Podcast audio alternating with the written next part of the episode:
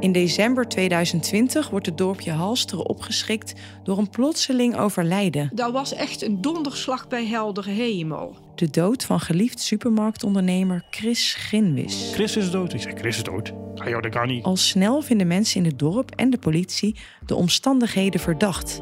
Ze denken dat Chris vergiftigd is door zijn kerstverse vriendin Yvonne K. Als de politie gelijk heeft, al- althans wat zij denken dat er is gebeurd, dan heeft hij wel zeg maar eh, de duivel binnengehaald. Ze zou uit zijn op zijn erfenis. Als het klopt, hè, hè dan eh, ja, een engel des doods. Maar het politieonderzoek heeft een valse start. En Yvonne ontkent in alle toonaarden. Heeft ze helemaal niks mee van doen. Volgens haar advocaat is Yvonne doelwit van een heksenjacht. Een soort golddigger wordt ze neergezet. Heel geraffineerd.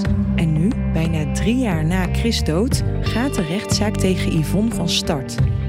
Ik ben René van Heteren en samen met misdaadverslaggevers Hessel de Ree en René van der Lee volg ik deze zaak op de voet.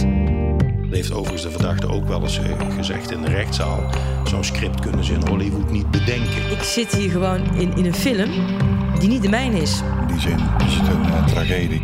Luister de gifdoden op de sites van B en de Stem, Brabants Dagblad, het AD en alle aangesloten regionale dagbladen.